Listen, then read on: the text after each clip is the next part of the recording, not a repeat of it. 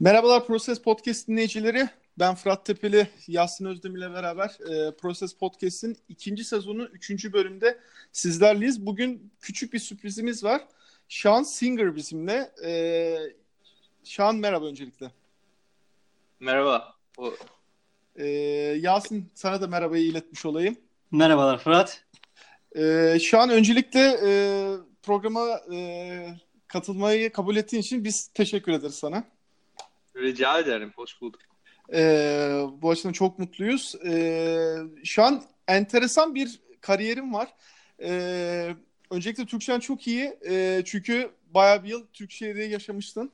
Ee, biraz bunlardan konuşmak istiyoruz. Ee, Basketbol Federasyonu'ndan tutalım Bayburt Üniversitesi'ne kadar çok enteresan bir e, kariyerim var. Değişik bir e, yaşantın olmuş. E, biraz bunlardan bahsetmek istiyoruz. Sonra yavaş yavaş NBA konularına da geçeriz. Ee, sanırım Fulbright komisyonu sayesinde Türkiye'ye gelişim var değil mi? Evet, evet, aynen öyle. Ben e, ben üniversiteden mezun olduktan sonra ben tarih ve siyaset okudum. Ben Washington D.C.'de çalışıyordum e, gazeteci olarak. Ondan sonra konuşma yazar olarak hep e, dış politikasıyla ilgileniyordum. E, ve birkaç sene sonra e, yani 2010, 2006, 2010 arası ee, biraz Orta Doğu odaklı ve aynı zamanda ya, Türkiye değişen bir ülkeydi o, o zaman. Evet. Ee, ve ilgimi çekti çok. Ee, ve Fulbright Komisyonu sayesinde e, ya Türkiye'ye gelmeye fırsatım vardı ve e, yani gelmek istiyordum. Yani belki bu Fulbright bursundan sonra yüksek lisans, PhD yapacağımı düşünüyordum. Ee, ve tamam ben e, ya Fulbright, bu Fulbright programı süreci harika bir program ilk olarak ama e, bilmiyorsanız e, sen bir ülkeye başvurabilirsin evet. ama özellikle bu e, üretim Fulbright'ler için yani Hı-hı. o ülkenin içinde nereye gideceğini seçemezsin. Ee, ve çok net hatırlıyorum ben e, Washington'da bulunan ofisimde e, oturuyordum ve bir e-mail geldi. Ben Bayburt'ta gideceğim. E, haritaya baktım. E, Bayburt nasıl bir yer nerede? E, Wikipedia'ya baktım. Evet. Pek bilgi yoktu. E, e, ama yani gitmeye karar verdim. İyi ki gittim. Ya hayatımda verdiğim en iyi kararlardan biri. E, e, ben 12 Eylül 2010 Türkiye'ye vardım. Ee, çok net hatırlıyorum. iki sebep var bunun için. Ee, ilk olarak bu e, referandum vardı. Ee, evet. 12 Eylül. Ee, ama belki bu podcast için daha önemli. Ee, 2010 FIBA Dünya Şampiyonası finali vardı o akşam. Ee, Türkiye, ABD. Hı hı. Ve e, Türk basketbol tarihinin en önemli akşamlardan biri. Hı hı. E, ve iyi hatırlıyorum çünkü ben e, yani bir yerden başka bir yere gidiyordum. Çünkü bagajım vardı onu toplamam gerekiyordu ve hiç trafik yoktu İstanbul'da. e, çünkü herkes e, televizyonun önünde e, maç takip ediyordu. E, e, öyle başladı. evet, e, enteresan olmuş. E, Bayburt'ta e, malumunuz Türkiye'nin en küçük illerinden biri aslında. Ee, orada bir e, kariyere, Türkiye kariyerine başlaman da enteresan olmuş. Ee, dediğin gibi de ilk Türkiye gelişinin günü de e, Türkiye basketbolu için çok kritik bir günde. E, Kevin Durant'in tek başına e, aldığı bir maçtı. Onu da o şekilde hatırlıyoruz. Evet. evet. E, belki o Sırbistan maçından bahsedelim. Doğru diyorsun. Ee, güzel bir maçtı o da. Ee, çok heyecanlıydı. Sonu çok heyecanlı bitmişti. Tabii e, oradaki sevinçten sonra ertesi güne e, bütün takım yorgun çıktığından dolayı gerçi yorgun çıkmasaydı da zaten e, USA bayağı e, baskın bir maç çıkarmıştı. E, ama evet. dediğin gibi bir Türkiye basketbolu için güzel bir anıdır yani. E, evet ben hatırlıyorum ya aslında ben Türkiye Basketbol Federasyonu'nda çalışmaya başladığım zaman hani o turnuvadan ya birçok hikaye duydum. Ee, mesela o e, Sinan Erdem'den otele dönmek çok zordu. Çünkü herkes arabalarıyla sokaklardaydı. e, takıma alkışlıyordu ve gerçekten o takımın e, otele dönüp dinlenmesi çok zordu.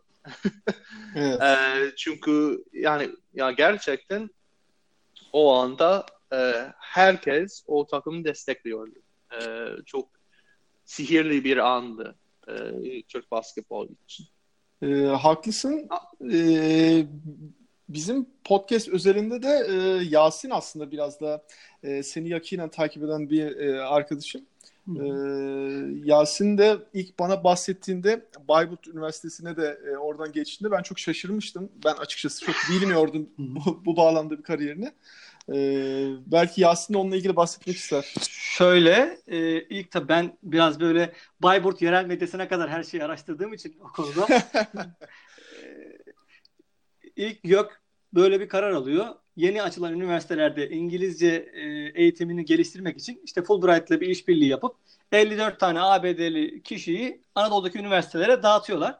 Şu anda onlardan bir tanesi e, o da Bayburt Üniversitesi'nde görevlendiriliyor. E, Türkiye geliş hikayesi bizim bildiğimiz buydu zaten. Demek ki doğru araştırma yapmışız. E, onun haricinde ondan sonra kendinden de öğrendiğimiz kadarıyla işte Indiana Üniversitesi'nde eğitimine devam ediyor. Yüksek lisansını yapıyor. Ondan sonra istersen birazcık Türkiye Basketbol Federasyonu'na geçelim. Oradaki görevin seninle mi iletişime geçtiler? Sen mi e, hani bir şekilde iletişime geçtin onlarla? O süreç nasıl başladı tam olarak? Hı hı. E, federasyonda mı? Evet, evet. Ben e, Indiana Üniversitesi'ndeki yüksek lisansımı e, tamamladıktan sonra, daha doğrusu tamamlanırken e, ben İstanbul'daydım. E, e, Boğaziçi Üniversitesi'nden e, yani e, ziyaret öğrencisi olarak e, ders alıyordum. E, ve e, ya İstanbul'da çok mutluydum. Hı hı. E, aynı zamanda e, o zaman yani Türkçe öğrenmiş oldum. E, yani Türkiye çok yani bir yabancı için e, Türkiye'yi çok iyi tanıyorum biliyordum e, ve bir fayda e, yani bir katkı sağlayabileceğimi düşünüyordum. Yani bir şirkette, bir organizasyona, bir kuruma e, ve kalmak istiyordum. Yani çok hayatımın en güzel yılları geçiriyordum.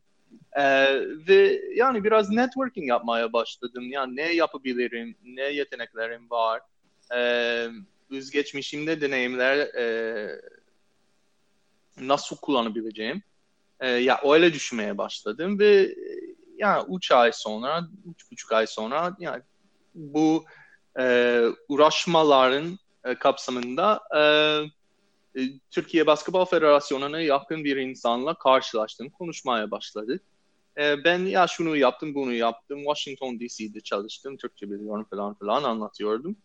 E, ve o dedi ki yani e, tamam konuşalım yani Basketbol Federasyonu'nda e, yani uluslararası e, arenasında e, birkaç projemiz var. Yani sana yani uyabilir. E, tamam yani federasyona gittim. E, Sayın e, Turgay Demirel ile görüştüm e, o zamanki e, Basketbol Federasyonu'nun Genel Sekreteri Ali Usoy ile görüştüm. E, tabii ki ben spor seven bir insanım. E, basketbol oynamadım. Ben buz hockey e, oynadım e, çocukluğumda, liseyde. E, Türkiye'de de oynadım. E, o başka bir hikaye. Onlara da geleceğiz zaten. e, e, ve tamam yani den, ya bunu deneyelim dediler ve ben hemen kabul ettim. Çok güzel fırsat olacağını düşünüyordum. E, ya kaliteli insanlar vardı federasyonda. E, projeler enteresandı. E, ve yani öğreneceğim ya çok şey vardı. Yani o yaklaşımla federasyona girdim. Yani bir sene başlangıçta bir sene olacaktı. Yani bir sene sonra ya devam edip etmeyeceğimi konuşacaktık. E, ama 3 sene oldu. E, ve ya her zaman yeni projeler vardı. E, benim için belki en değerli tecrübe ya 2014 e, FIBA Kadınlar Dünya Şampiyonası. O milli takım çalışmak çok güzel bir şeydi. E, çok yetenekli sporcular e, değerli insanlar vardı. E, aynı zamanda e, ya, e, e, kadın sporu için e, çok önemli e, e, bir organizasyondu. Yani bu kadar başarılı bir e, milli takım ya olmamış o yana kadar. E, yani hı hı. E, ka, e, Avrupa Şampiyonası bronz madalya, gümüş madalya e, kazanan bir takımdan bahsediyoruz. E, ve o oyuncularla e, çalışmak, o antrenörler antrenörlerle çalışmak e, çok keyifliydi. E, çok e, faydalıydı ve aynı zamanda benim için en önemli şey ya bu, bu o sürece girdiğimiz zaman e, yani genç kızlar e, basketbol e, ya basketbol oynayan genç kızların e, sayısı artırmak istiyoruz. O, o bizim hedefimiz oydu. E, ve ben e, istatistiklere baktığım zaman yani bir sene sonra yani gerçekten bir yükseliş gördük. E, ve o da e, beni çok mutlu etti ve yani inşallah son senelerde devam etmiş oldu. İnşallah daha da güzel olacak ileride. Ee, daha sonrasında sen Basketbol Federasyonu'ndaki herhalde görevinden de bıraktıktan sonra direkt olarak ABD'ye e, geri döndün. Hı hı. Orada MIT'de e, hani MBA yaptın. Bu süreçte de Sloan Spor Konferansı'nda bir görevin vardı. E, 2019'da buna devam edecek misin? Efendim tekrar eder misin? Tabii. Yani 2019'da Sloan Spor Konferansı'nda çalışmaya devam edecek misin? Böyle bir ha, plan. E, e, belki bu konferansı anlatayım biraz. Tabii. E, ben e, bu konferans çok değişik ve özel bir konferans. Belki ya, bu bu podcast'ı dinleyenler herkesi e, Daryl Morey tanıyor. Yani Houston Rockets e, genel menajeri. Evet.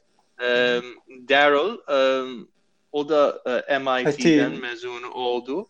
E, ve 2006'da Daryl Jessica Gelman adlı bir e, başarılı e, iş kadını e, New England Patriots e, ailesin bünyesinde çalışıyor. E, çok yüksek bir seviyede. E, e, bir, bu konferans kurdu. Bu konferansın hedefi e, istatistikler, analyticsler, e, spor gündeminin merkezini getirmek. Ee, ve akademik bir konferans olarak başladı ve özellikle basketbolda ama yalnız basketbolda değil her sportta e, son 10-15 senedir gördüğümüz devrim e, bu konferans bu devrimde bu konferans çok önemli bir rol oynadı. E, ve bu konferans tamamen öğrenciler tarafından düzenleniyor. Yani bu e, MBA yapan e, çoğu MBA yapan öğrenci e, düzenlen, düzenliyor. E, o yüzden her sene yeni bir e, organizasyon ekibi var. E, ben mezun olduktan sonra e, tamam belki dışarıdan e, ya çok az bir destek veriyorum çünkü e, yapabileceğim pek bir şey yok. Ama hı hı. mesela bu sene yeni bir ekip var. İki tane öğrenci o iki öğrenci o organizasyonun başında.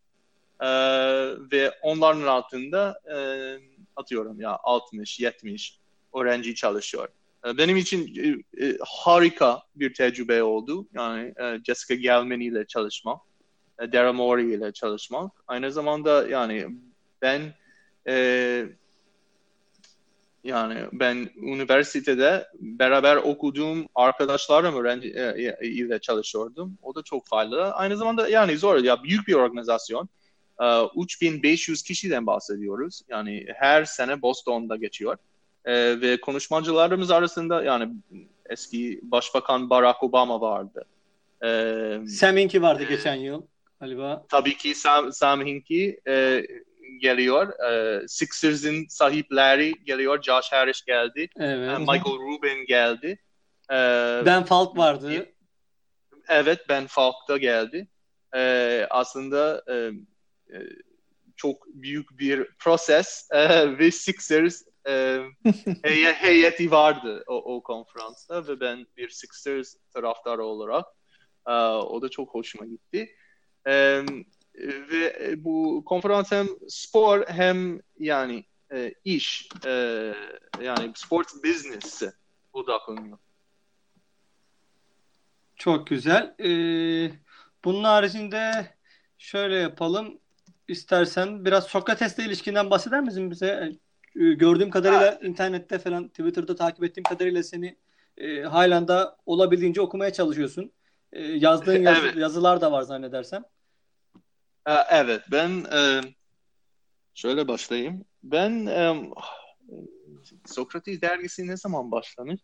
E, 2000 ya 2014 çünkü aynı zamanda bu FIBA e, Kadınlar Dünya Şampiyonası e, başlamak üzereydi.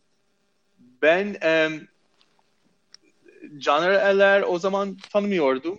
E, fakat e, ya Instagram'da, Twitter'da böyle bir dergi çıkacağını gördüm ve ilgimi çekti. E, ben ya üniversiteden sonra ilk işim bir dergideydi. O yüzden ya bana çok yakın bir meslek.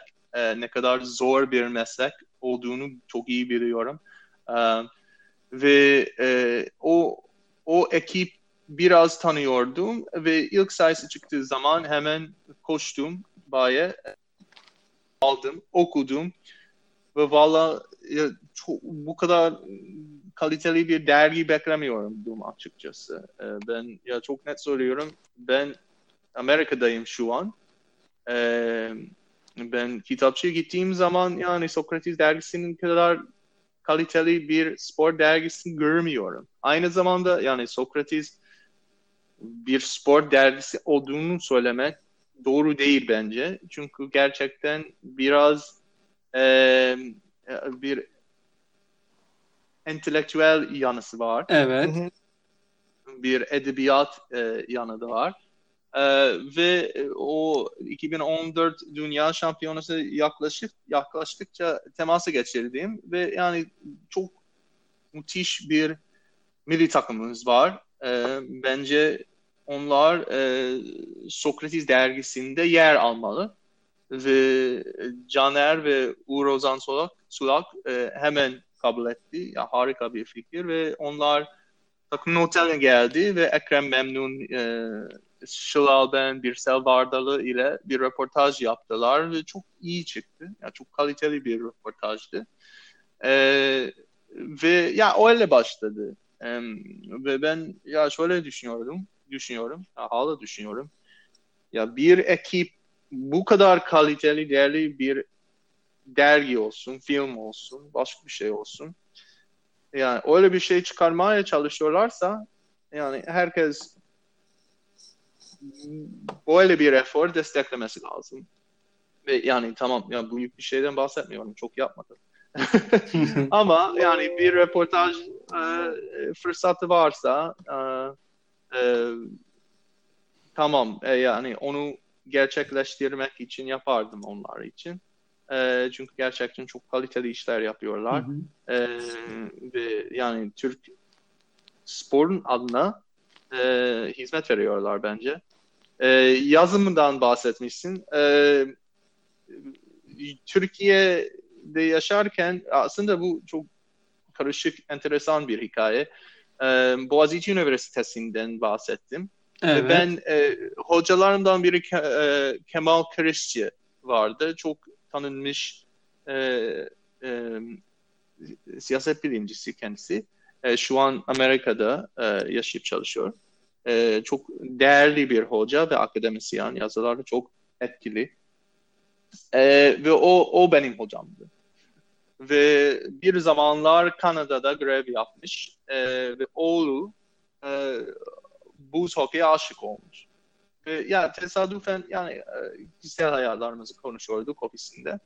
E, ve oğlu hala Türkiye'de buz hokeyi oynuyor. Bir takım vardı Koç Üniversitesi'nde. E, o takımın koçu e, Amerikalı, e, Minnesota'lı.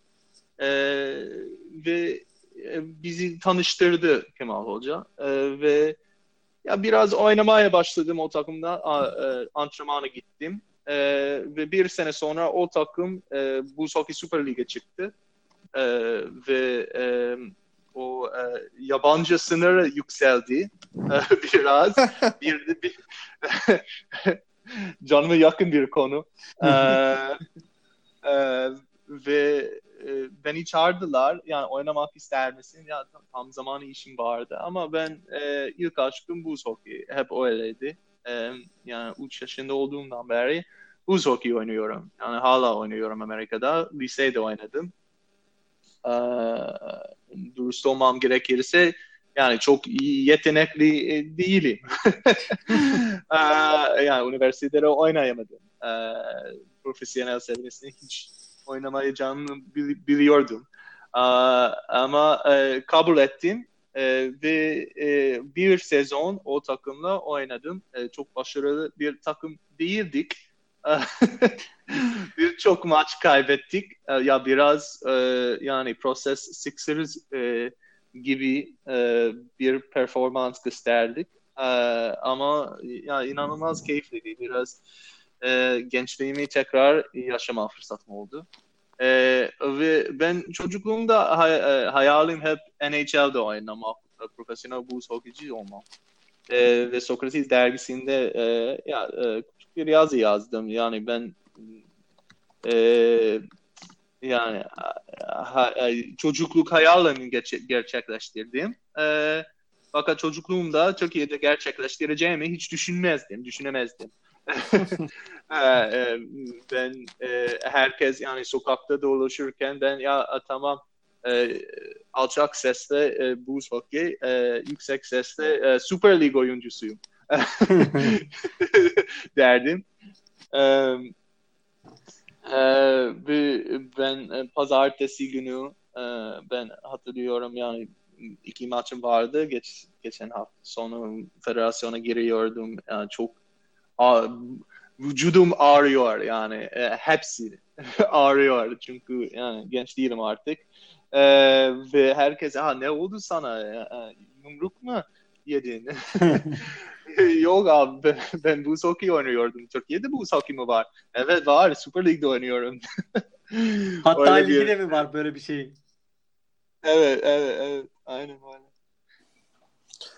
ee, peki şu an gerçekten e, çok enteresan bir Türkiye kariyerin olmuş. Ee, yazarlıktan buz hokey oyunculuğuna oradan Bayburt Üniversitesi'ne. Ee, gerçekten enteresan yani. O da bu da senin tabii e, hayatın için bir anı sonuçta. Ee, ve yıllar sonra da Proses Podcast'ta da bunları anlatma imkanı bulmak da o da o da enteresan oldu senin adına.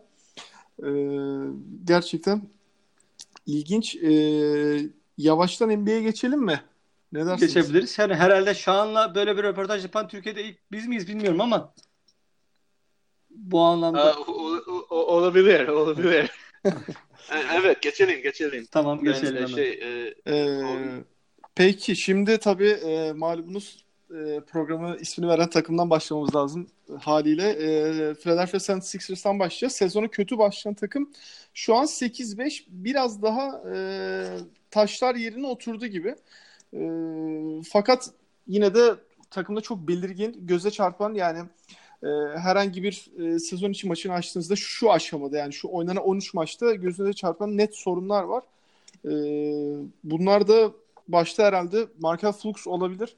E, top yönlendirme kısmında e, özellikle Ben Simmons'ın üzerinde çok fazla yük var. E, fakat o da top kayıpları ile ilgili çok büyük problemler yaşıyor.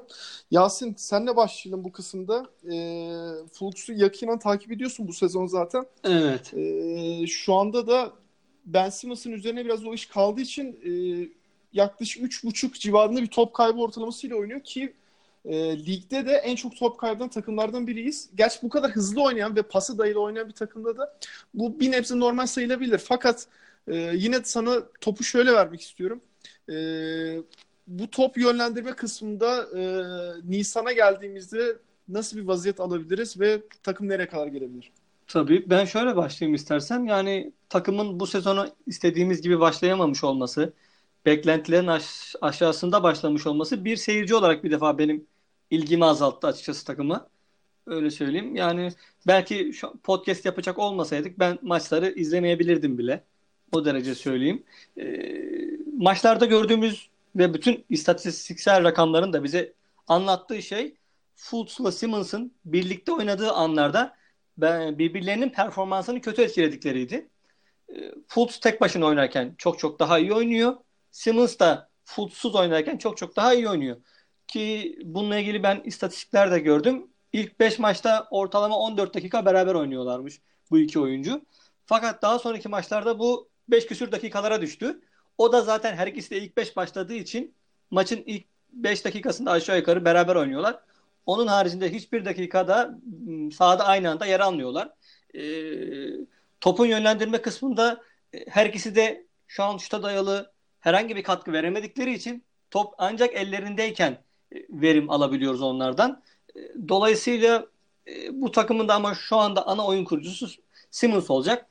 Hani senin sorunun cevabı Nisan ve Mayıs geldiğinde de bu takımın aslında ana top yönlendiricisi yine oyun kurucusu standart klasik manada söyleyebileceğimiz Simmons olacak.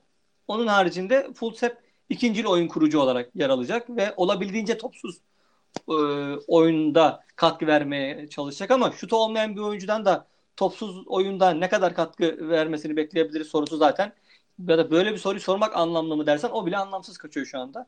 E, yani Fultz ve Simmons'ın e, biz önümüzdeki senelerde nasıl oynayabileceğini e, ya da bu 5 dakikalık beraber oynadıkları periyotta e, nasıl değerlendirmemiz gerektiği, bu, bu değerlendirme için yeterli bir süre olup olmadığı bile zaten gündem dışına çıkıyor. Çünkü e, Fultz'la Simmons şut atamıyorlar zaten. Yani onlar şut atamıyorken her ikisini beraber değerlendirsek ne olur? Değerlendirmesek ne olur? İlk başta söyleyeceklerim bunlar. E, haklısın. Şu anda e, saha paylaşımında büyük problem yaşıyoruz. Dediğin gibi yani şutları olmadığından dolayı ve ikisi de topu elinde isteyen oyuncu tipi olduğundan dolayı böyle bir sıkıntı yaşıyoruz. E, ve buna istinaden çok top kaybı yaptığı için takım geri dönmekte de zorlanıyor ve şu anda savunmada savunma istatistiklerinde takım 20.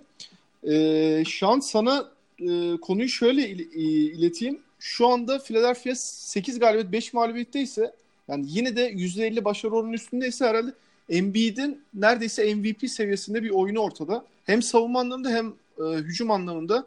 E, bu bağlamda sen nasıl görüyorsun Philadelphia'yı? Ben e, yani Philadelphia'da yaşıyorum şimdi ve herkes e, Fultz ve e, Simmons'dan bahsediyor. Beraber oynayabilecekler falan filan.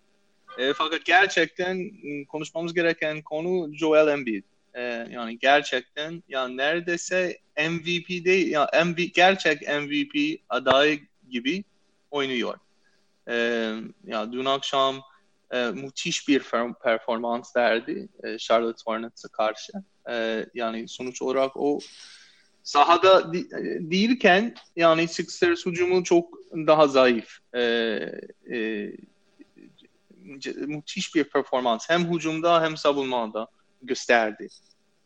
E, ikinci konuşmamız gereken konu o Dario Saric.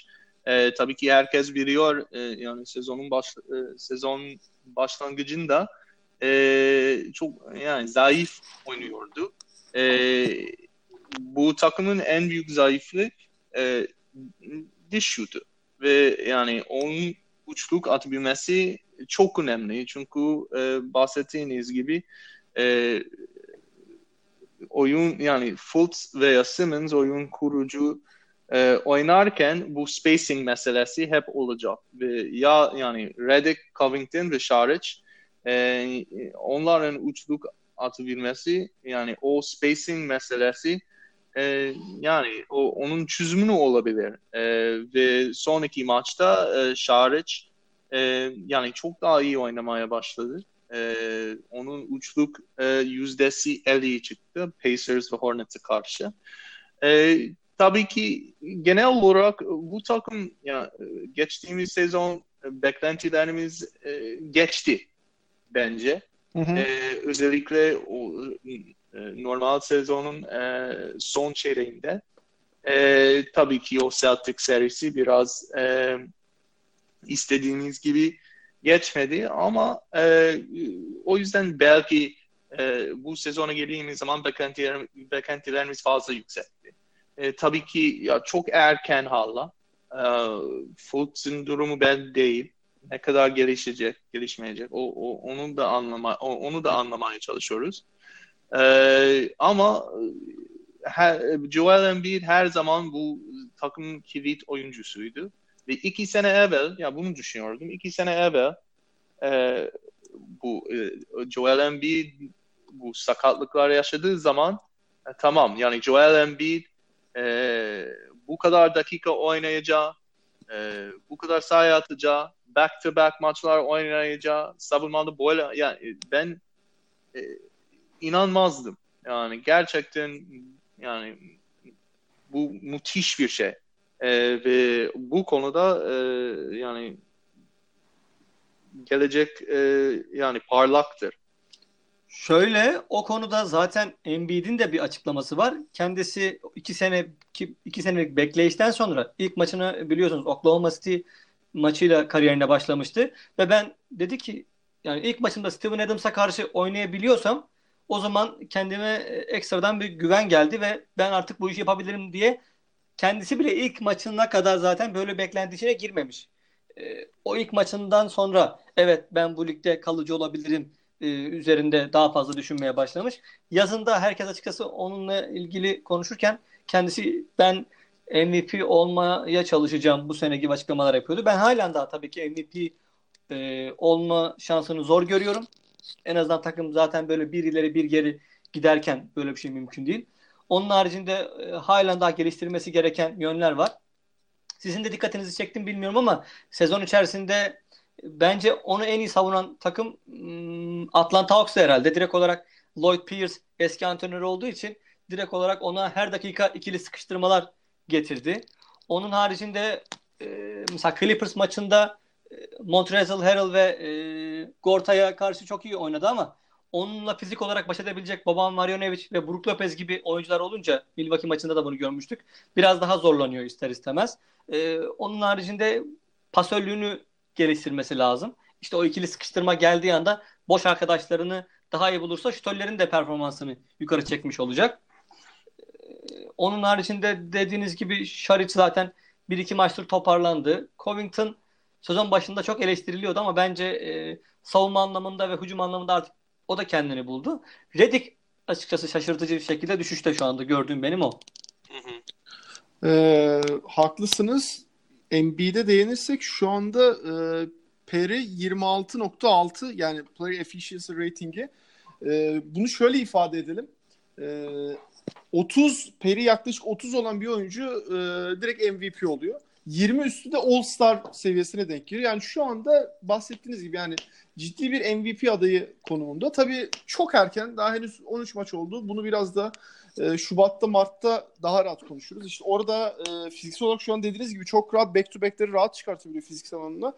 Ama o ayları gördüğümüzde bakalım ne olacak.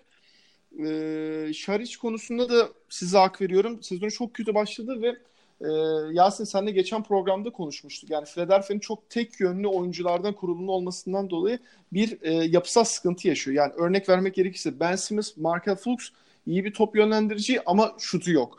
J.J. E, Redick, Robert Covington şutu var fakat topu yere vuramıyorlar. E, ondan dolayı switchlerde e, bu iki oyuncuyu kapatmak çok rahat. Yani günümüz basketbol e, orada e, oradaki adamı nötr hale getirebiliyorsunuz. Embiid burada çok kritik. Yani iki yöne de oynayabiliyor, topu yere vuruyor. Şaric dediğiniz gibi yani dış şutu da e, biraz ritim bulunca çok değerli bir konuma gelebiliyor. E, bakalım sezon ilerisinde nasıl e, durum oluşacak ama e, şu anda savunma da dediğim gibi çok top kaybından ötürü biraz tabii düşmüştü. Yani 20. sıradayız. E, belki bir takasla bir e, wing yani bir kanat oyuncusunu e, takıma katabilir miyiz bilmiyorum ama ee, yani şu aşama şu aşamada çok da hani Şubat ayını yine de yani belli bir sırada bitireceğiz. Evet 3 4 5 bir yerde bitireceğiz ama playoff'ta yine çok bir şey çıkacağını düşünmüyorum yani. Haklısın. Ee, yani playoff'ta biz şu an e, kiresinde yine ikinci turda eleneceğiz büyük ihtimalle. Yani çok tabii peşinden konuşmamak lazım ama gözüken durum bu. Ee, onun haricinde Wilson Chandler şimdi sakatlıktan döndü. Ee, o da birazcık form tutacaktır. Ee, ilk oynadığı maçlarda ben tabii ki hiçbir varlık gösteremedi benim e, izlediğim kadarıyla. Charlotte maçında fena oynamamış e, gözüküyor. E, onun haricinde Simmons'ın mesela bel sorunu tam olarak iyileşmedi benim gördüğüm kadarıyla. Çünkü maçlarda böyle belini ekstradan sarıyorlar falan. E, tekrardan bir her dakika bir bakım halinde beline. E, Simmons da aslında bence şu an çok sağlıklı değil. Biraz sakatların iyileşmesi lazım. Sakatlık derken Zaire Smith'le ilgili bugün bir açıklama geldi. E, evet. Alerji sebebiyle o da garip bir sakatlıklar silsilesine takımın katılmış oldu. Ee, zaten e, öncesinde fıstığa alerjisi varmış ve bunu takım bile biliyormuş. Bu e, operasyonlardan sonra işte büyük ihtimalle biyopsi falan yapıldı. Susam alerjisi de açığa çıktı ve bu dönemde hiçbir fiziksel aktivite yapmamış, kilo kaybetmiş. E, o yüzden ben zaten 2018'de oynamasını beklemiyordum ama direkt olarak resmi ağızdan artık açıklandı. 2019'dan önce Zaire Smith'i de göremeyeceğiz.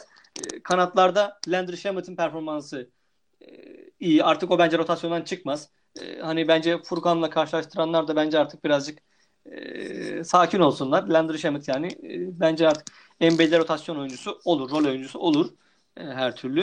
E, ama dediğim gibi Zaire Smith'ten bu sene bir beklentim yok benim şu anda kanat anlamında. Birazcık orada Wilson Chandler'ın tecrübesine kaldık eğer bir takas olmazsa.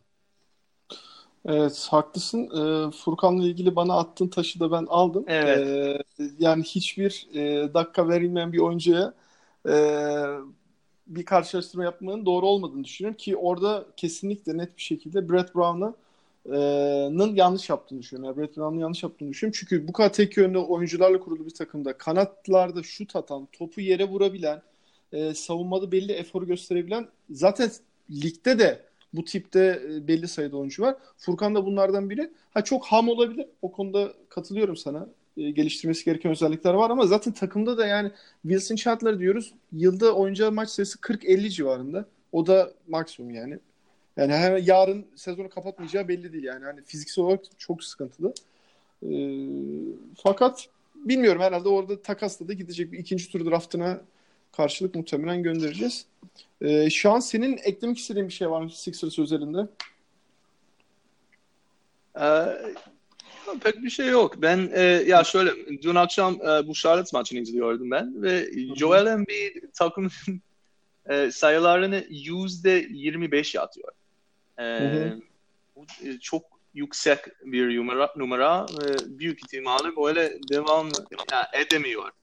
E, ve hücumda yani diğer oyunculardan destek e, çıkmazsa yani hücumda büyük sıkıntı yaşayacaklar. E, o yüzden ya söylediğim gibi yani Dario'nun yükselmesi, e, gelişmesi e, çok önemli ve e, e hem de Covington ve Redick iyi oynaması çok de, e, önemli. Yani geçe, geçtiğimiz sezon Redick de biraz yavaş başladı. E, ya bence ya çok tecrübeli, kaliteli bir oyuncu. E, yani büyük bir katkı sağlamaya devam edecek. Evet. E, Philadelphia ile ilgili orada seni ekleyeceğim bir şey var mı? Yok benim ekleyeceğim de bir şey yok. Geçebiliriz diğer takımlara. Tamam.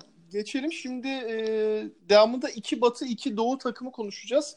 Burada da biraz daha e, hali hazırda sezonda iyi kötü performanslarıyla dikkat çeken takımları konuşacağız. E, usulen doğudan başlayalım. E, biz sezon içinde onların dağılmasını bekliyorduk ama bu kadar sezon başını dağılmalarını da beklemiyorduk. Washington Wizards'tan konuşacağız. Şu anda e, iki galibiyet, dokuz mağlubiyetteler ve e, ligin savunma istatistiğinde son sıradalar. E, maç başına yaklaşık 120 sayı yiyorlar. E, sezon ya bu sezon geçen sezona da göre e, ligin hız ortalaması artmış durumda. Yani artık takımlar neredeyse ilk 5 saniye içinde şutlarını kullanıyorlar. Bundan dolayı yüksek skorlu maçlara evet alışmaya başladık yavaştan ama maç başına 120 sayı yemek de e, bence o ekstra bir efor gerektiriyor yani. E, orada da şu an senle başlayalım bu sefer.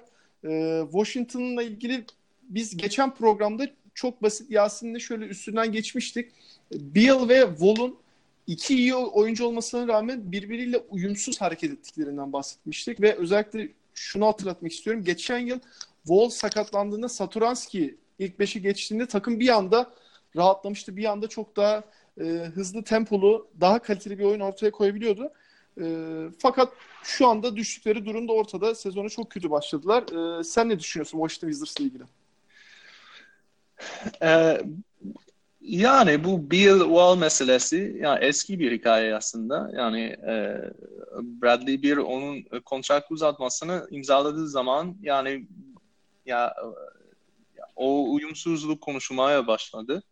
E, tabii ki yani çok tabii ki John Wall oynuyor, Bradley Beal oynuyor. Yani e, Dwight Howard'ın gelmesi de çok önemli e, bir e, gelişim. Aynı zamanda Martin Gortat'ın e, gitmesi o da çok önemli. Çünkü o tamam yani büyük sayılar, e, istatistikler e, e, yapmıyordu ama aynı zamanda e, özellikle savunmada ve yani pick and roll offense e, hücumda e, çok önemli bir rol oynuyordu. E, ve yani Dwight Howard yani post top isteyecek. Yani her zaman öyle oynuyor. Ve e, yani farklı yerlerde gördük zaten e, bir takım ritmi e, bozma yeteneği var. E, o açık.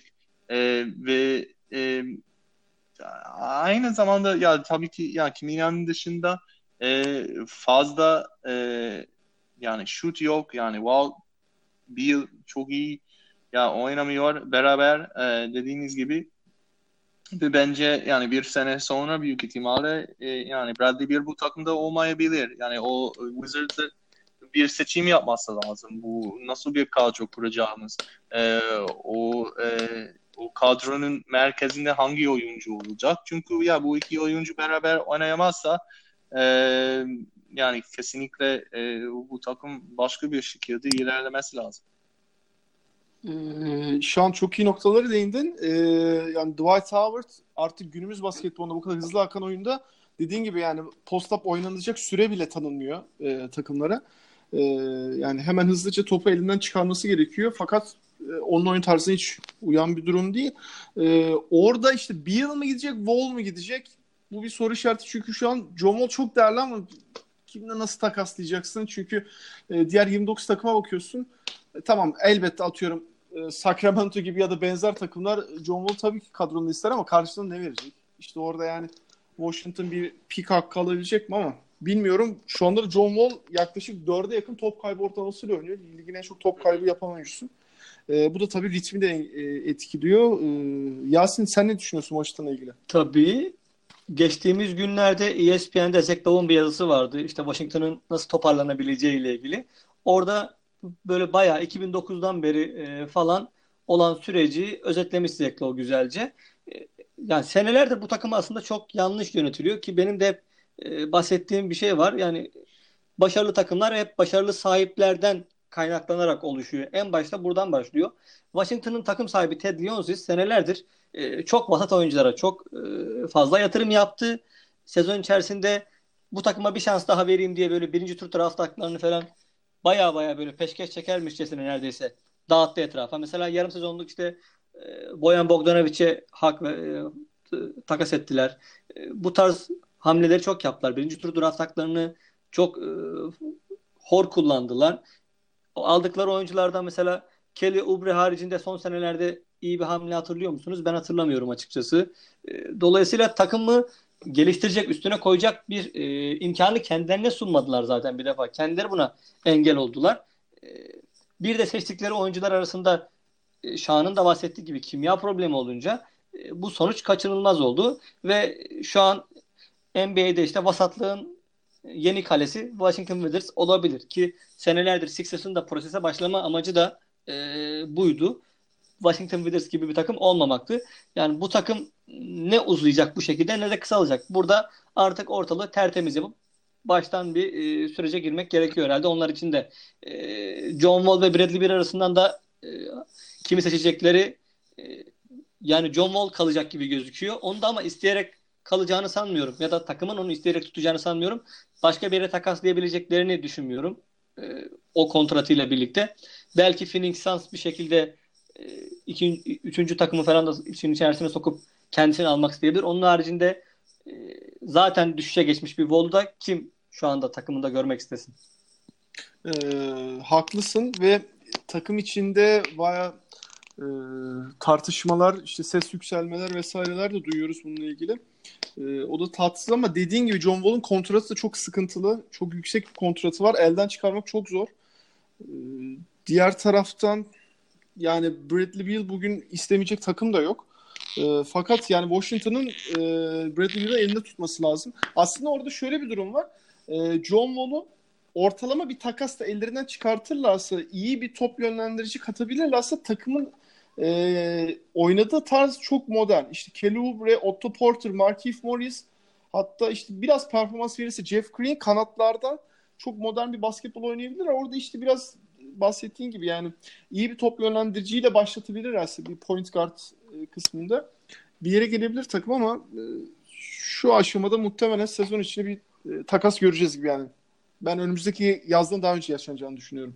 Yo, ben de sezon öncesi tahminlerinde zaten bu Minnesota ve Jimmy Butler olayı patlak verince e, bu tarz bir gelişmenin Washington'da da olabileceğini söylemiştim. E, yani takas dönemi bitmeden orada bir bazı gelişmeler olacak büyük ihtimalle ki Scott Brooks'un geleceğini zaten şu an hiç e, konuşmuyoruz. Onun ne olacağı da belli değil. Ee, ama inan e, benim fikrim olay koçla ilgili değil. Yani bu haklısın, haklısın. E, çünkü tartışmalar yani bir kavga e, seviyesine varacak şekilde tartışmalar da var takımda. Artık şey tat kaçmış durumda orada. E, ondan dolayı ya koçu değiştirsen de bu kadroyla oynanabilecek oyunda bundan da çok fazla değil yani. Ee, evet şu an bununla ilgili ekleyeceğim bir şey yoksa yavaştan Toronto'ya geçeceğim. Tamam. Ee, Toronto şu anda tabii doğuyu kasıp kavuruyor. Ee, yazla ilgili en çok konuşulan takımlardan biriydi. Şu an 11 galibiyet 1 mağlubiyetteler. Ve e, Nick Nurse e, bütün ligi kasıp kavuruyor. Tabii Toronto'nun sezon içi performanslarının yüksek olduğunu her zaman için biliyoruz. Yani son yaklaşık 3-4 yıldır sezon içinde çok iyi e, dereceler alıp playofflarda LeBron'a elenen bir takım var. Artık LeBron da yok. Ve e, Nick Nurse özellikle Ibaka'yı 5'e çekerek inanılmaz modern bir basketbola döndü. Ibaka da e, Oklahoma'daki ilk sezonlarına benzer bir sezon geçiriyor şu anda. 17.5 17 18 civarında bir sayı ortalaması var. Ee, orayla ilgili Yasin senden başlayalım. Tabii. Yani Boston'a hep derin kadro diyoruz biz. İşte Boston Celtics'in çok derin bir kadrosu var. E, çok esnek bir kadrosu var ama e, Toronto da bu konuda hiç fena değil. Bunu görmemiz lazım. Hani birkaç oyuncuyu çıkarttığımız zaman herkes e, ortalama derece üçlükçü. Herkes iyi savunma yapıyor. Bütün kanatları bu şekilde. E, Danny Green olsun, e, Onunobi olsun. Kawhi Leonard zaten onun direkt olarak en zirvesinde kendi alanında. Dolayısıyla onlar da şu an e, çok uygun bir basketbol oynuyorlar kendilerine. Birazcık rebound konusunda sıkıntıları var ama o da e, kısmen e, Ibaka ile oynayıp ve kısa bir beşli oynadıkları şeklinde açıklanabilir ama ben Kawhi Leonard'ın da daha fazla form tutmasıyla, takımın da daha fazla birbirine alışmasıyla rebound sorununu da aşacaklarını düşünüyorum. Onun haricinde yani Valanciunas'tan bile çok iyi katkı alıyorlar. Ee, 19 dakika süre oynuyor ama işte 13 sayı ortalama ile oynuyor. Ki bu kariyerindeki en az süre aldığı sezon ama kariyer rekoru sayı anlamında da. Ee, onun haricinde e, belki kimilerinin işte en çok gelişme kaydeden oyuncu adayıdır. Benim değil ama Pascal Siakam var mesela. Hı hı. Bu sene e, bayağı e, ön plana çıkan. Şu an onlar için her şey iyi gidiyor. Yani Kyle Lowry'nin bile oyunu neredeyse gelişti öyle söyleyeyim. O şekilde bir durum şu anda. Şu an her şey pasparlık Toronto için. E, haklısın. Lowry de maç içinde daha iyi bir görüntü sergili yani şu andaki işte yaklaşık 10 12 maç olmuş e, Toronto açısından dediğin gibi. E, orada tabii e, Şan'a topu şöyle atacağım. Şimdi şu andaki görüntü tabii çok güzel. Herkesin yüzü gülüyor ama ee, özellikle playofflarda psikolojik e, gerilimin de arttığı durumda işte orada Demar DeRozan yeterli performansı vermediğinden dolayı Kawhi Leonard takısını yaptılar. Güzel. Bu cepte şimdi. Peki Nisan Mayıs geldiğinde işte o top el yakmaya başladığında Kawhi nasıl performans verecek? Şimdi geçmişe baktığımızda çok iyi performans vereceğini öngörebiliyoruz ama olası bir sakatlıktı. Çünkü ne kadar sağlıklı girecek o dönem onu bilmiyoruz. Bütün sezon çöpe gidebilir yani. Şans sen ne düşünüyorsun bu konu hakkında? Evet ben e, ya e, Toronto Raptors'ın böyle bir başlangıcı yapması çok önemliydi. Çünkü yani tabii ki Kawhi Leonard e, kontratında ya bir sene kaldı. Yani önümüzdeki e, sezon yani bu sezondan sonra e, yani Toronto Raptors'a onu e, uzatma vermez verme fırsatı var. E, onu yapması çok ya önemli. Sonuç olarak DeMar DeRozan gibi bir oyuncu ile takas yaptılar. E, ve bu takımın geleceği için yani Kawhi Leonard e, kilit oyuncusu olması e, ya her şey değişebilir, değiştirebilir. E, o bir. E, iki, yani tabii ki yani bir sakatlık ne kadar ciddi olup olmadığını bilemiyoruz. E, ama Kawhi Leonard çok tecrübeli bir oyuncu. Yani hem e, yani e, özellikle playofflarda yani o Spur, San Antonio Spurs kolunda çıkmış bir oyuncu zaten.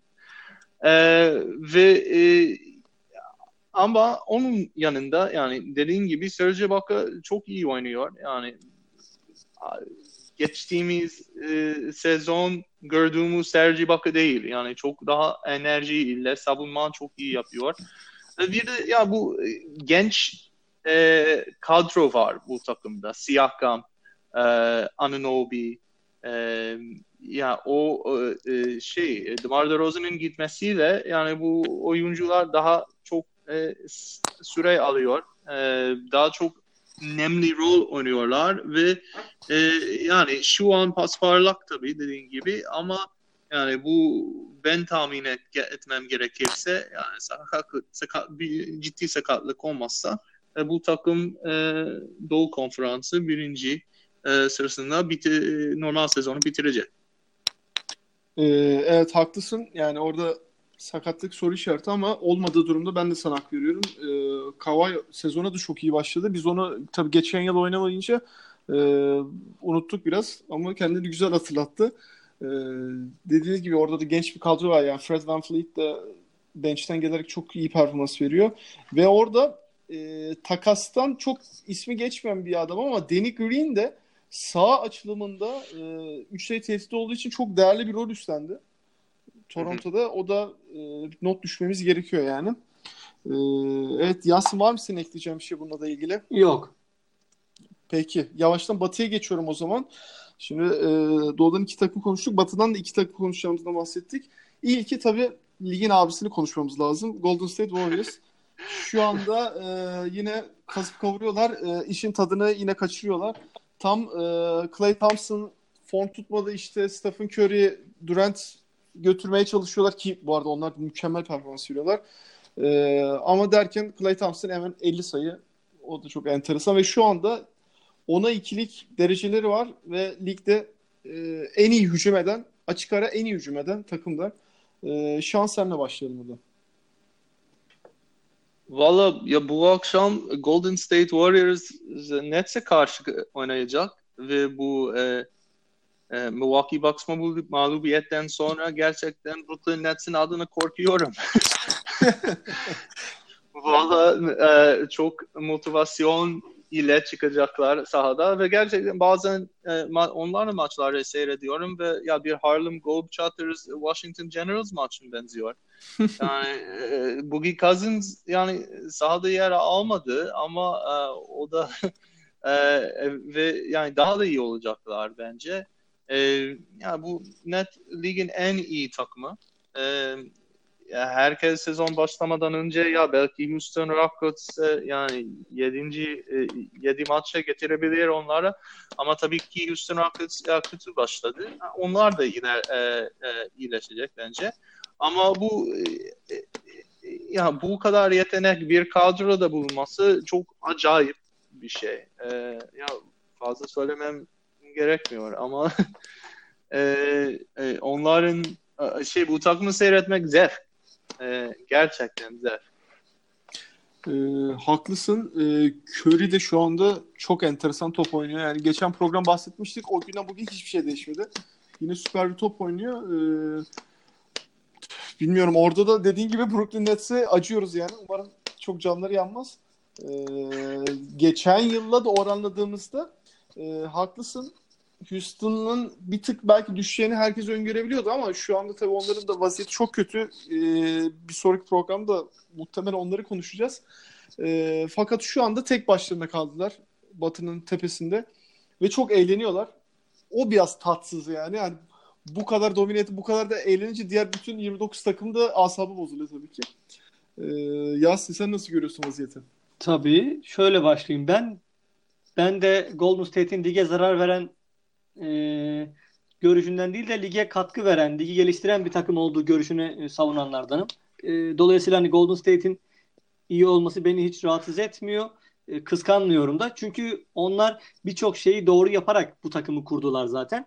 Yani bütün takımlara örnek olması gereken aşamaları geçerek e, bu takımı oluşturdular. Yani bu takım şans eseri işte sadece Kevin Durant'i kadroya tak, e, katmakla oluşturulmuş bir takım değil. Arkasında bir sürü senelerdir gelen bir e, hazırlıklar var.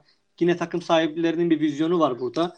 Onun haricinde Stephen Curry benim MVP adayım şu anda. Bilmiyorum çok mu iddialı bir şey söyledim ama bu sene yine e, yani LeBron'un ne yazık ki o seviyede göremedik şu ana kadar. E, ben hani MVP adayı olarak yine Curry'yi görüyorum. E, Durant'in kafası büyük ihtimalle yani karışık olsa ne olur diyorsunuz ama birazcık daha bence yazı artık düşünmeye başladı gibi o. Ne yapsam ne etsem diye. Ee, onun haricinde geçen sene çok böyle kanatlarda ekstra oyunculardan fazla katkı alamamışlardı. Bu sene işte Alfonso McKinley gibi bir oyuncuyu çıkardılar yine. Ee, Jonas Jerebko'dan katkı alıyorlar. Yani şu an tek sorunları var aslında. Patrick McCaw gibi bir imza atsak mı atmasak mı o kimle anlaşsa falan gibi bir sorunları var. Başka bir sorunları yok. Öyle söyleyeyim. Gerçekten çok tatsız sorunlarmış. evet evet. Ya bir, bir şey e, ekleyebilirsem. E, Tabii biz hep Golden State Warriors konuştuğumuz zaman hep yetenek yetenek yetenekten bahsediyoruz. Tabii ki acayip yetenekler var bu takımda. Ama aynı zamanda ya bir organizasyon olarak ya gerçekten müthiş bir kültür e, tutturulmuş. Yani bir örnek vereyim. Ben e, iki sene evvel bu bahsettiğim Stone Sports Analytics Conference'daydım. E, ve Bob Myers, e, ya Golden State'in genel menajeri bir ödül alıyordu. E, onunla sohbet etme fırsatım vardı. Çok e, nazik, e, yani egosuz, e, tatlı bir adam. E, ve sahaya çıkmadan önce ya, yanında e, o konferansa gelen bir e, analytics ekibinden e, bir adam vardı. Ve e, saha sahaya çıkarken o adam çağırdı. Yani tamam benimle gel. Sen e, bizim başarımızın büyük payınız var. E, beraber bu ödül kabul edelim. Ve çıktı sahneye. Hep yani beraber bu ödülü aldılar. E, ve ya çok hoş bir e, andı benim için. Çünkü gerçekten o takımda herkese değer veriliyor. E, yalnız yıldızlar değil. Yani genel menajer, e, bütün antrenörler ve gerçekten yani yalnız spor kulüpler değil yani organizasyonlar, işler, kurumlar e, Golden State Warriors'dan yani birçok ders alabilir. Ee, evet haklısın. Onlar da şu anda e, rahat bir şekilde ligi götürüyorlar. Ee, biraz Draymond Green'in sakatlığıyla ilgili bir durum vardı. O da sezon için çözecektir diye düşünüyoruz. Ee, bakalım sezon sonuna doğru neler olacak. Ee, küçük bir teknik problemden dolayı gittik. Hemen geri döndük. Sacramento'yu konuşuyorduk. Ee, hemen baştan alayım oraya. Sacramento e, Proses Podcast'te çok adı geçmeyen bir takımdı. Çünkü malum yıllardan beri bir kötü yönetim söz konusu. Hala da iyi yönetildiğini düşünmüyoruz ama en azından belli bir seviyede basketbol oynayabiliyorlar. Şu anda 7-5 gidiyorlar ve ligin en iyi hücum eden dördüncü takımı. Sacramento Kings. Ee, orada da herhalde Sixers'la anlaşmak üzereyken son anda Sacramento'ya dönen Nemanja Bjelican'ın da çok çok iyi performansını biraz konuşmamız lazım. Yasin burada top sana vereyim. Ee, tabii Sacramento'yu bizim açımızdan önemli kalan şey evet bize attıkları bir anlamda Bielika çalımı var. Ama en önemlisi Sacramento'nun 2019 draftının ne olacağı konusu. Ee, biliyorsunuz işte Boston'la yaptığımız anlaşma gereği e, eğer Sacramento'nun draft hakkı birinci sırada çıkarsa Sixers'ta kalıyor. Onun haricindeki diğer senaryolarda o hak Boston'a geçiyor. Dolayısıyla Sacramento'nun olabildiğince iyi bir sezon geçirmesi bizim Boston'a olabildiğince düşük bir draft hakkı vermemize yol açacak. Dolayısıyla Sacramento'nun e, bu seneyi nispeten iyi geçirmesi o anda bizim için avantaj ve birazcık daha teselli armağanı olacak bizim açımızdan. E, onun haricinde tabii ki Bielika transferiyle onlar da takımlarına bir başka boyut e, kattılar ve yaklaşık şu an benim bildiğim kadarıyla %50 ile falan üçlük atıyor. Ee, Willi Kalıştain e, artık hani nereye gelse bir ortalama NBA pivotu gibi oynuyor. De'Aaron Fox e, deli danalar gibi artık koşup böyle tempoyu arttırıyor ve kendisine uygun bir basketbol tarzına sahip bir takımın oyun kurucusu artık. Bunun avantajlarını kullanıyor. E, tabii ki Nisan ayı geldiğinde bu sıralarda olmalarını açıkçası ve playoff yapmalarını ben beklemiyorum. E, ama seneler sonra e, Sacramento'nun buralarda olması açıkçası beni mutlu eden bir şey. E, açıkçası şöyle söyleyeyim. Hani NBA için bence Clippers'tan daha önemli bir değer Sacramento. Ki Sacramento'da takımın kalması bile büyük e, meşakkatler sonucunda olmuştu ve çok iyi bir salonları var artık. Yeni bir salon yaptılar ve takım o şekilde Sacramento'da kaldı. Dediğim gibi taraftarıyla olsun e, takım artık senelerdir e, başarıya aç olduğu için e, bir anlamda bu günleri de çok özlediler o anlamda. E, ve artık çok kötü bir takım değiller. Ortalama derecede kötü bir takımlar. Öyle söyleyeyim. ee, haklısın güzel toparladın. Orada tabii e, Darren Fox'a değinmemiz lazım. Şu anda Hı-hı. Olabildiğince tempoyu arttırarak hücum etmeye çalışıyorlar. İşte buna tabii uygun e, Buddy Hield e, işte 4 numarada hatta maç içinde çok defa 5 numaraya Nemanja Bielis'a e, hızlı atletik bir pivot Willi Wallenstein e, işte diğer tarafa Iman Shumpert destek veriyor. Rookie Melvin Bagley. Yani onların aslında tam oynaması gereken hücum evet bu. En modern oyun tipine döndüler. Ve evet biraz henüz hamlar. Çok genç takım. Ne kadar gelecek vaat ediyor soru işareti. Ama bir noktadan yakaladılar. Ve o bile e, bu iyi hücum bile onları 7 galibiyet 5 mağlubiyet gibi iyi bir dereceye getirdi. Haklısın. E, sezon sonunda muhtemelen buralarda olmayacaklar. E, ama yine de ligin şu ana kadar kısmında önemli heyecan kattılar. E, şu an sen ne düşünüyorsun Sacramento hakkında? Ya son senelerde Sacramento NBA'de ya bir şaka gibi bir takımdı. Ee, herkes bunu biliyor zaten. Ee, ama bu böyle bir başlangıcı ben de beklemiyordum. Ee, Bielitsa'dan bahsetmişsiniz. Ya tabii ki Türkiye'de basketbol çok izleyen bir insan olarak e, onun adına çok sevindim. E, şimdi Minnesota Timberwolves'a baktığım zaman yani e, ya bir kadro görüyoruz. E, kimya meseleler, meseleleri vardı. E, ve bu Sacramento yani Bogdan Bogdanovic orada olduğu için, Vali Divac orada olduğu için belki yani oraya gitmek istiyordu e, Bielitsa. E, çok iyi oy- oynuyor. E, ne kadar dinamik bir oyuncu olduğunu yani Türkiye'de basketbol takip edenler biliyordu zaten. E, şimdi fırsat alıyor ve e, gerçekten e, yani dün akşam e, Timberwolves'a karşı müthiş bir e, performans verdi. E, iki yani, kötü maçtan sonra e, gerçekten bütün hareketlerin merkezinde bulundu. E, ve e, yani onun anlamda mutluyum. E, dediğin gibi ya büyük ihtimalle ya bir iki aydan sonra e, bu başarıyla devam etmeyecek ama e, lottery'de her sezon yer alacak bir takım olmayabilir artık. E, ve o Sacramento için e, iyi bir şey. E, ama e, biraz beklememiz lazım son karar vermek için. E, haklısın. Orada da tabii Bogdan Bogdanovic dediğin gibi e, önemli bir parça. Sezona da sakat başlamıştı. Yeni yeni toparlıyor.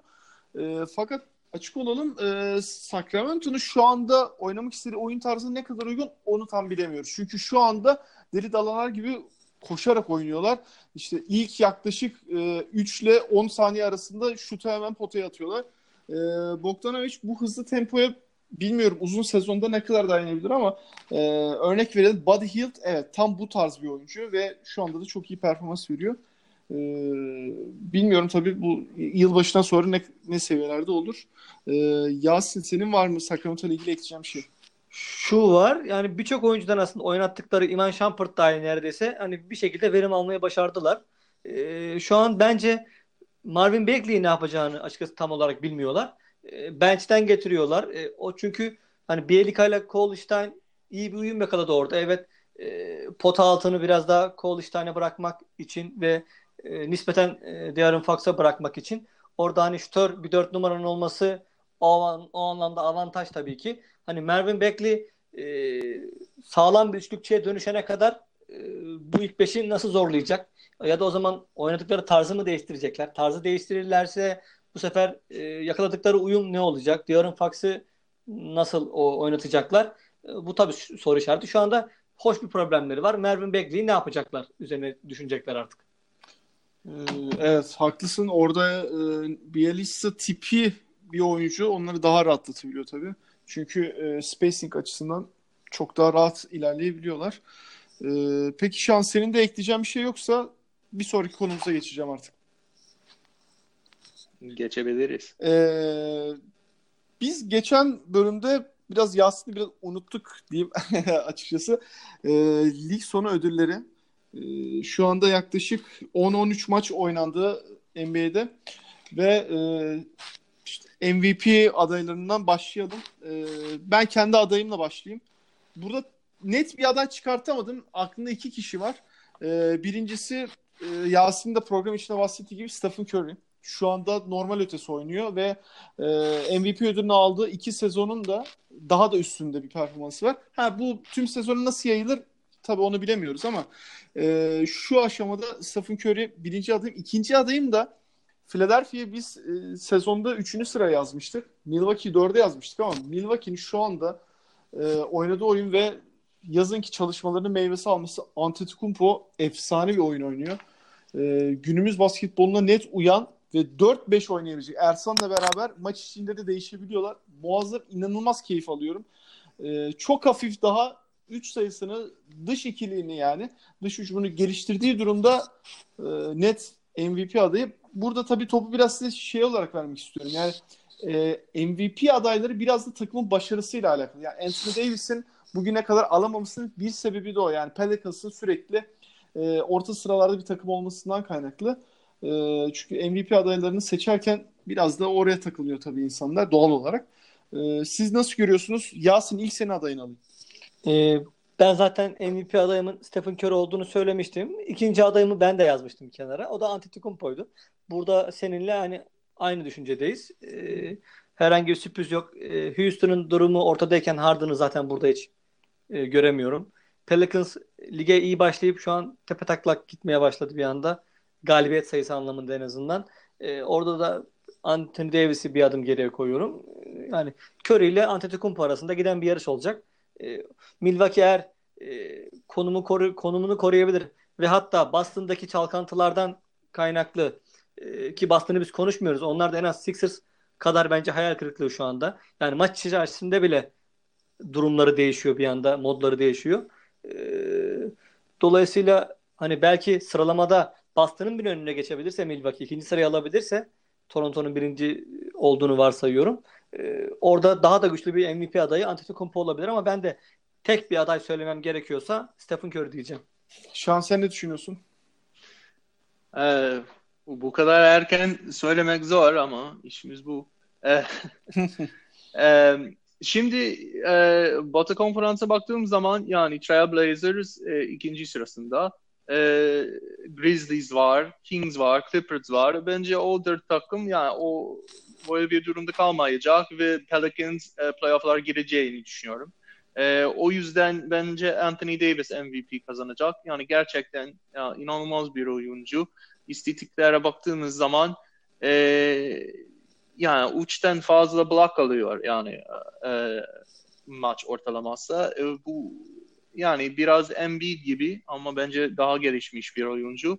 Ee, yani hem hücumda hem savunmada yani bu kadar e, maçı etkileyen başka bir oyuncu olmayabilir bu ligde. Yani Kevin Durant var tabii. Ama çok özel bir oyuncu. Bence bu takım playoff girecek ve e, benim adayım Anthony Davis. E, haklısın. Anthony Davis şu anda sezona da iyi başladı. Ee, Yasin dediği gibi yani son birkaç maçtır takım olarak biraz düşüşteler ama genel olarak sezonu iyi başladı. İşte orada biraz Pelicans'ın e, Batın ilk dördünde olup olamayacağı önemli. Çünkü e, örnek verelim playoff'a 7. 8. sıradan girerlerse 7. 8. sıradan e, giren bir takımın e, personeli MVP adayı olur mu? İşte bu soru şartı ortaya çıkıyor. E, onu bilemiyoruz. Dediğin gibi daha çok erken bunları konuşmak için. E, bakalım neler olacak. Ee, peki bir sonraki e, ödüle geçiyorum. Yılın rookie'sine geçeyim. Ee, şu anda DeAndre Ayton'la Luka Doncic ligi kavuruyorlar. Ee, Şan bu sefer senden başlayalım. Yılın rookie sence kim olur?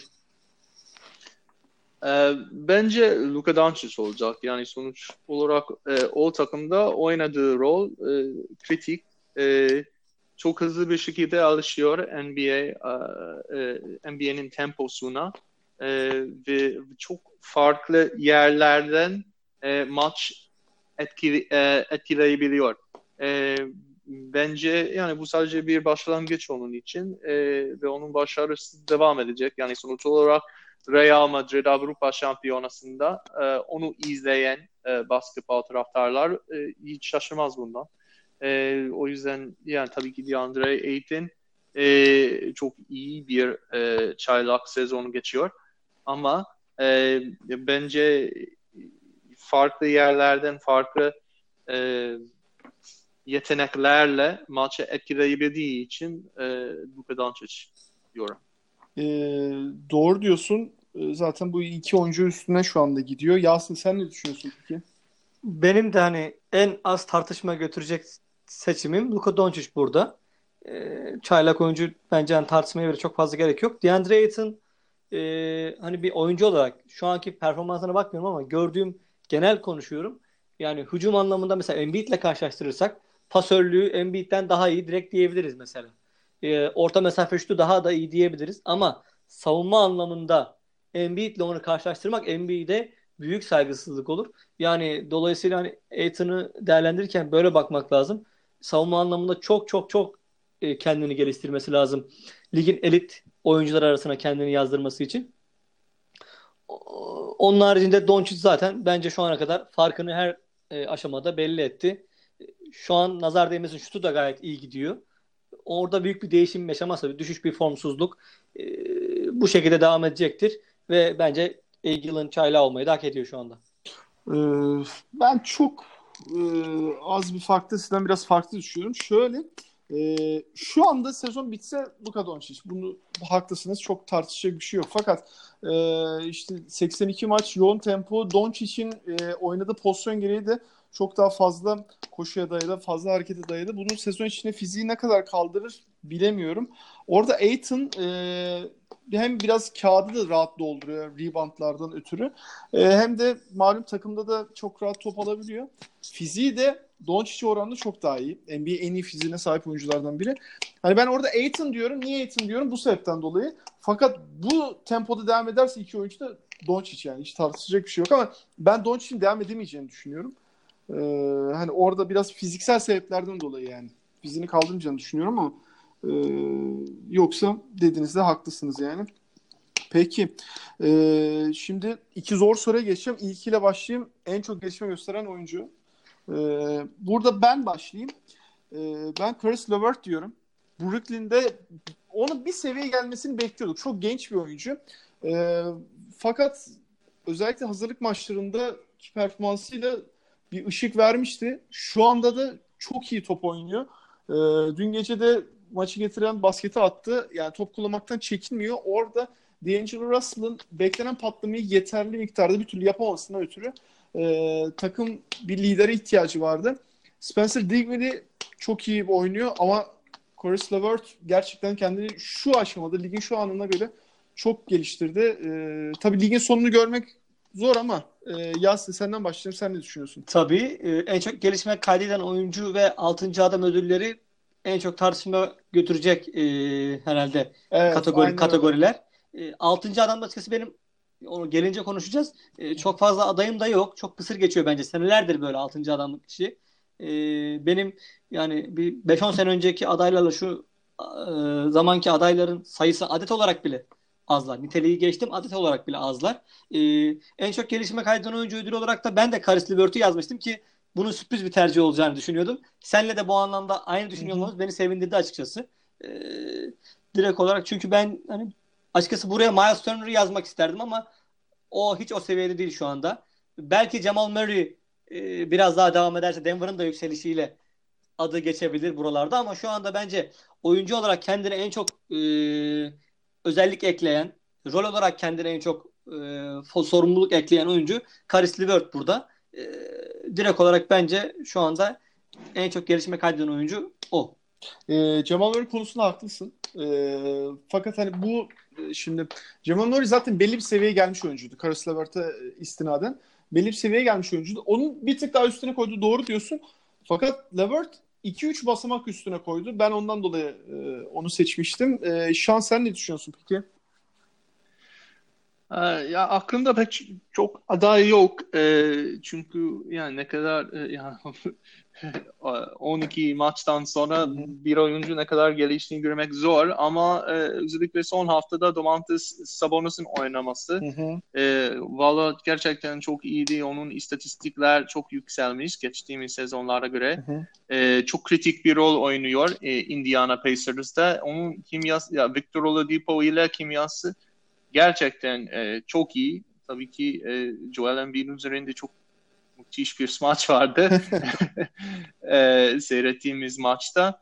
E, bir de onun ya field goal yüzdesi ya 67 e, ya biraz uçluk atmaya başladı ama çok değil e, ama iyi bir yüzdesinde. E, bir de onun savunma e, kesinlikle e, iyi, iyi ilerliyor. E, çok sağlam bir oyuncu oldu Indiana Pacers için ve e, Valla gerçekten e, Victor Oladipo ve Domantas Sabonis için ya iyi ki Indiana'ya gittiler. Nate McMillan e, harika işler yapıyor onlar o, o oyuncular ile.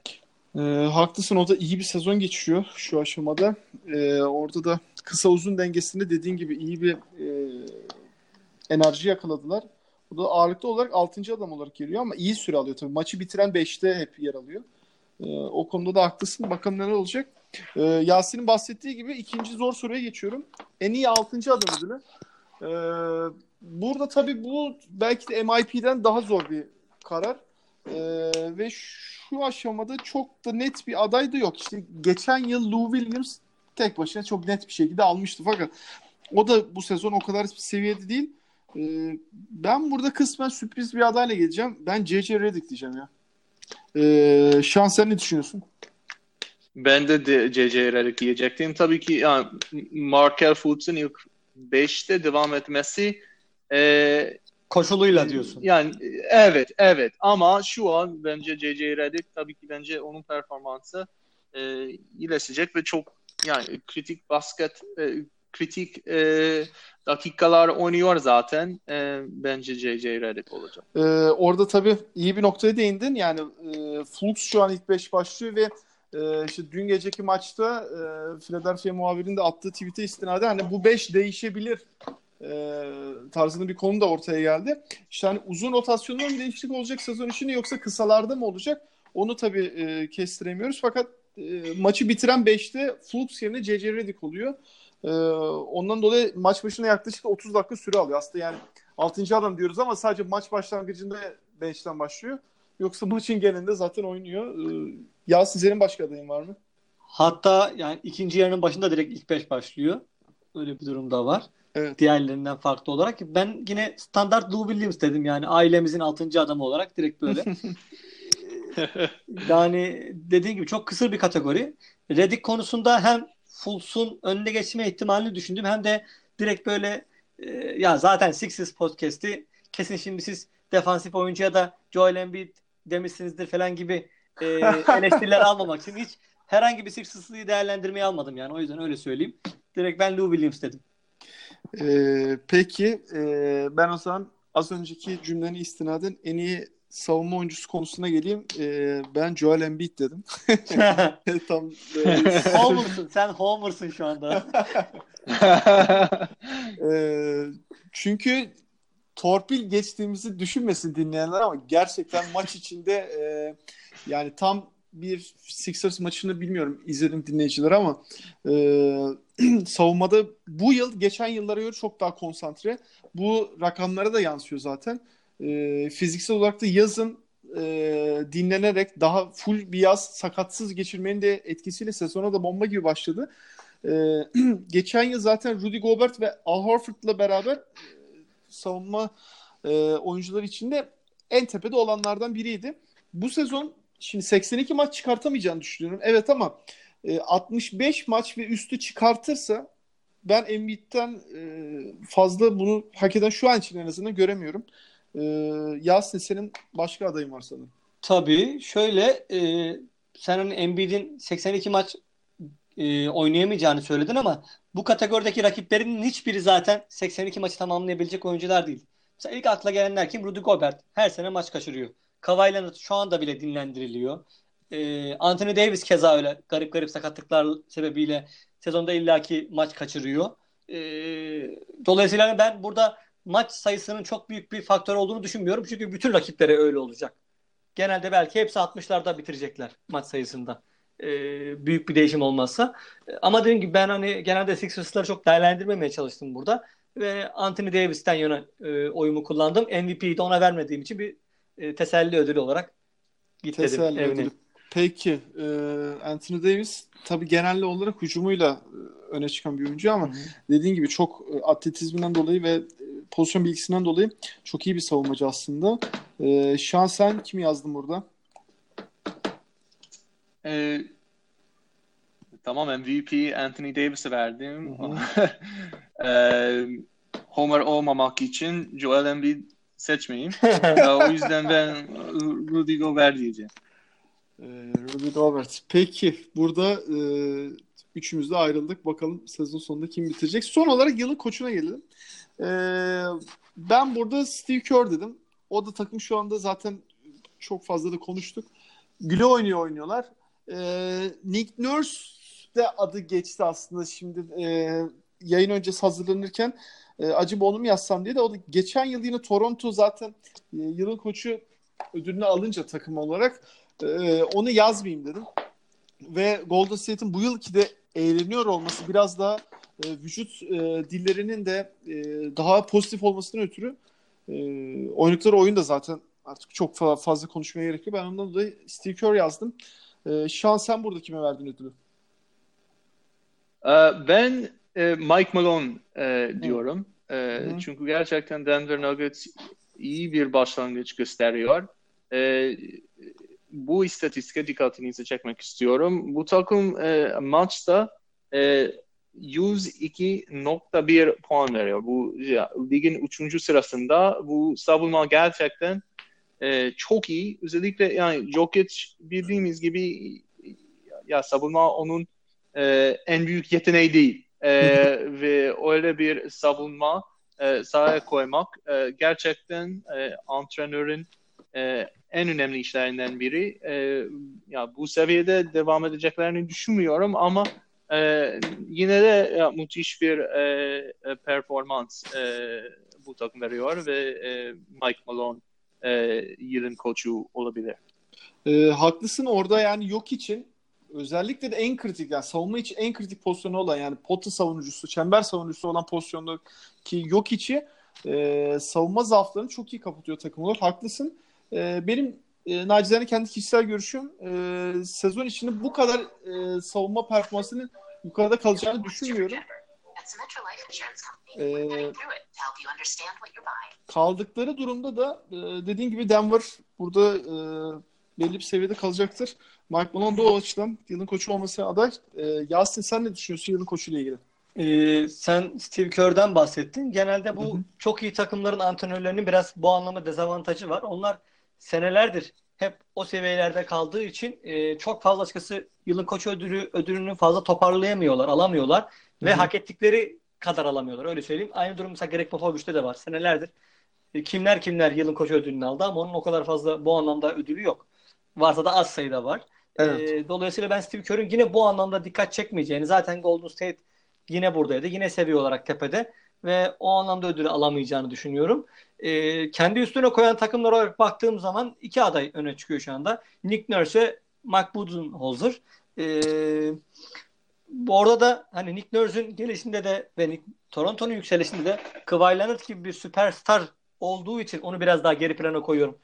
Bu takımın kurulmasında çok önemli ya da hücum sisteminin kurulmasında çok önemli bir rolü olsa da Nick Nurse'ün. Ee, ama Milwaukee'de Mike Budenholzer tamamen geçen seneki malzemelerden bir şey çıkartmaya çalışıyor. Yani ufak tabii ki eklemeler oldu Ersan gibi. Ee, onun haricinde takımın en önemli oyuncusu yine geçen seneki en önemli oyuncusu. Ee, çekirdeği aynı bir takım. Dolayısıyla onların yaşadığı değişim bence çok çok daha önemli ve bir koçun takıma e, değdiğini, onun etkisini görebiliyoruz burada. Dolayısıyla bir sadece ve sadece coaching etkisi olarak baktığım zaman Mike Budenholzer'ın ben yılın koçu e, olmayı hak ettiğini öngörüyorum şu şu anda.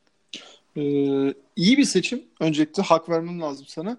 Ee, şu aşamada e, özellikle takım hızlandırması ve daha kısa beşle oynamasının da e, orada rotasyonda önemli rolü var. İşte Antetokounmpo gibi bir oyuncu tabii elinizde olunca e, bu tarz varyasyonları yapabiliyorsunuz. Doğru diyorsun. O da iyi bir aday, önemli bir aday.